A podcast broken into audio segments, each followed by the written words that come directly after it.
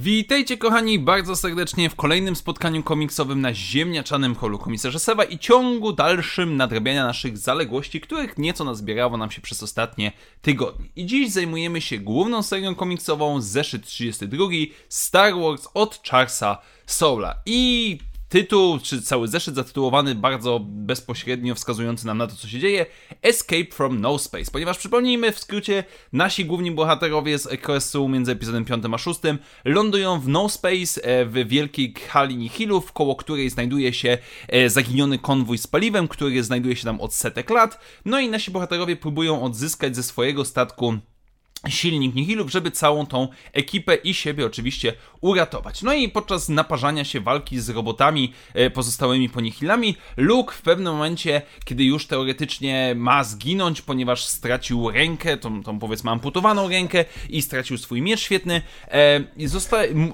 w pewnego rodzaju w tajemniczy sposób używa potężnie mocy, wyrzucając czy też niszcząc wszystkie droidy dookoła, a jednocześnie odzyskując tą swoją księgę Jedi, którą e, chciał pierwotnie odzyskać. No i ostatecznie nasza ekipa pokazuje mieszkańcom, że mamy silnik, przedstawia im całą sytuację związaną z galaktyką, że no wiecie, jesteśmy rebeliantami, czyli teoretycznie tymi złymi, których ściga, ściga Wielkie Imperium. No i zdecydujcie sami, czy chcecie z nami wracać, czy chcecie tutaj ewentualnie zostać. Mamy nieco rozmowy między admirał Holdo, czy też powiedzmy Amilin Holdo, a Lando. Widać, że ta ich relacja gdzieś tam w powiedzmy sposób istnieje i, i tworzy się i mamy pokazaną ich perspektywę na to, czy zostać, czy wrócić do galaktyki. No i ostatecznie Dowiadujemy się, że nasza e, ekipa wraz z dużą częścią mieszkańców wróci do galaktyki. Następnie jeden z mieszkańców wróci z silnikiem z powrotem, ponieważ część mieszkańców zostanie w tej hali Nihilów, żeby sobie tutaj spokojnie żyć. No i Leia zobowiązuje się, że nikomu nigdy więcej nie powie o całej tej sytuacji, żeby chronić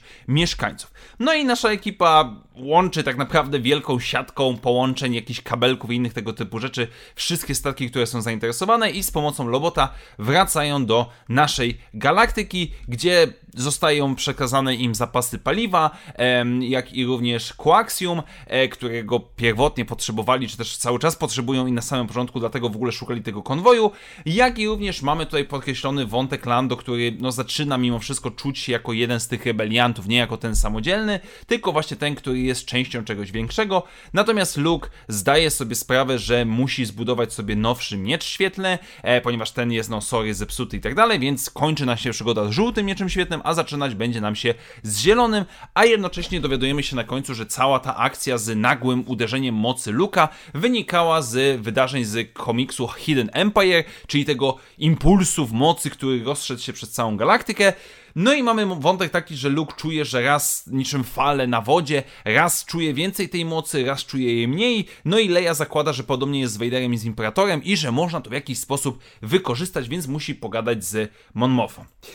Moi drodzy, to nie jest dobry zeszyt. To jest zeszyt, który e, kończy nam ten ark historyczny, który poza nawiązywaniem do The High Republic, poza gdzieś tam pokazaniem na Interhalini Hillów i tak dalej, nie jest w żaden sposób szałowy. No nie będę kłamał, lubię Charlesa Soula, ale nie mogę powiedzieć, że to jest jakoś bardzo dobre.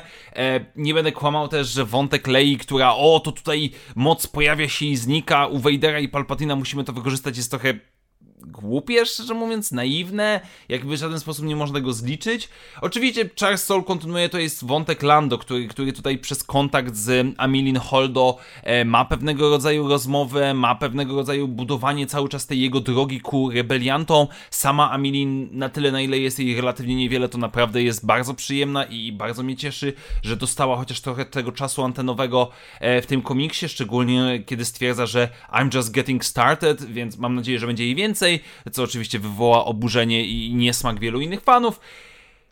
I tyle. Jakby, no nie mogę się, nie, nie, mogę powiedzieć, że ten komiks nic nie wnosi, no bo mimo wszystko wiemy skąd Rebelia ma zapasy, które pewnie będą wykorzystywane, czy będą potrzebne podczas bitwy o Endor, ale nie mogę oprzeć się wrażeniu, że taki cały ten, ten e, ark historyczny był dosyć mocnym sidequestem, który dosyć szybko, jak nie natychmiast wylatuje z naszej głowy. I niestety, no tyle mogę powiedzieć, bo nie wiem już, w którą stronę ta seria będzie szła. Moim zdaniem, zdecydowanie zdecydowanie już od jakiegoś czasu powinna zmierzać ku końcowi i mam nadzieję, że w tym kierunku zmierzamy, bo dalej moim zdaniem nie ma sensu tego ciągnąć, niech już Luke zdobędzie sobie ten zielony miecz świetny, rebelianci zdobędą plany Gwiazdy Śmierci dzięki botanom, zamknijmy to w jednym, dwóch arkach historycznych i koniec, dziękuję, reboot serii Star Wars i nie tylko. No ale co z tego wyjdzie, przekonamy się w przyszłości. Tak więc dziękuję wam bardzo serdecznie moi drodzy za dzisiejsze spotkanie. Standardowo przypominam, że jeżeli podoba się to co robię na kanale, możecie wesprzeć moją działalność, stawiając mi wirtualną kawę, do której link znajdziecie w opisie